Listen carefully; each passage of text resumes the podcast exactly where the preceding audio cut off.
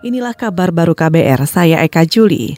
Dua kandidat calon presiden dan wakil presiden dinilai belum memberikan solusi terhadap persoalan yang dialami perempuan di Indonesia, semisal soal penegakan hak asasi dan perlindungan terhadap perempuan. Padahal menurut Koordinator Program Badan Eksekutif Nasional Solidaritas Perempuan, Dinda Nuranisa Yura, perempuan memegang peranan penting di segala aspek kehidupan, termasuk agenda politik. Karena hari ini momentumnya adalah kita mau melihat, karena harusnya pemilu itu adalah jadi ajang demokrasi yang substantif, bukan sekedar soal voting, tapi apa sebenarnya agenda-agenda gagasan-gagasan pemimpin ke depan untuk mengatasi persoalan-persoalan masyarakat, termasuk di dalamnya perempuan. Koordinator Program Badan Eksekutif Nasional Solidaritas Perempuan Nuranisa Yura juga menyebut suara perempuan lebih dari setengah dalam daftar pemilih tetap atau DPT yang dipublikasikan KPU. Sehingga wajar jika persoalan perempuan, termasuk persoalan ketidakadilan gender, menjadi agenda politik bagi kedua pasangan kandidat.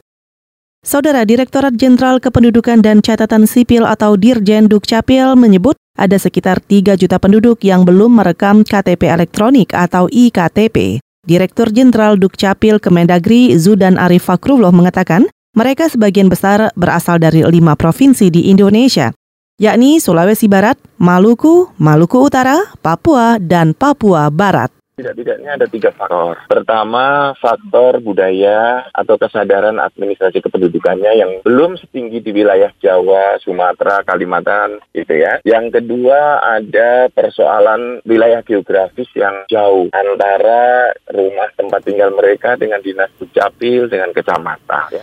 Dirjen Dukcapil Kemendagri Zudan Arif juga menjelaskan ada sejumlah faktor yang menyebabkan banyak penduduk di Papua dan Papua Barat belum merekam iktp. Antara lain, banyaknya alat yang rusak dan belum diganti pemerintah daerah Papua.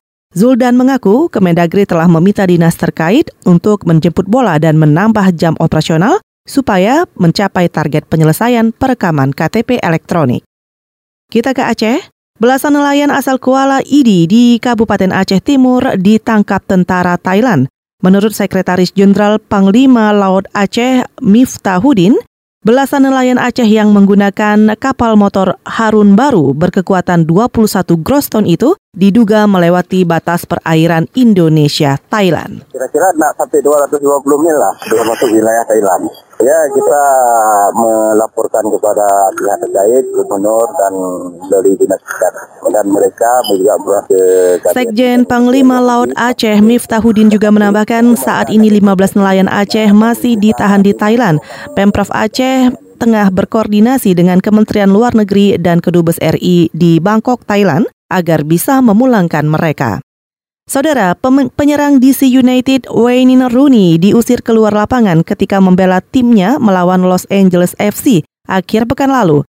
Ini adalah kartu merah pertama yang didapat bekas striker Manchester United itu di Major League Soccer. Kartu merah itu didapat ketika ia menekel dengan keras striker Los Angeles FC. Usai kejadian, Rooney sebenarnya hanya diganjar kartu kuning oleh wasit. Namun, setelah wasit melihat kembali kejadian menggunakan video asisten wasit, ia lantas mengubah putusannya dan memberi kartu merah. Ini adalah kartu merah pertama Rooney sejak 2014 dan yang ketujuh selama karirnya. Saat ini Rooney menjalani musim kedua di DC United. Demikian kabar baru, saya Eka Juli.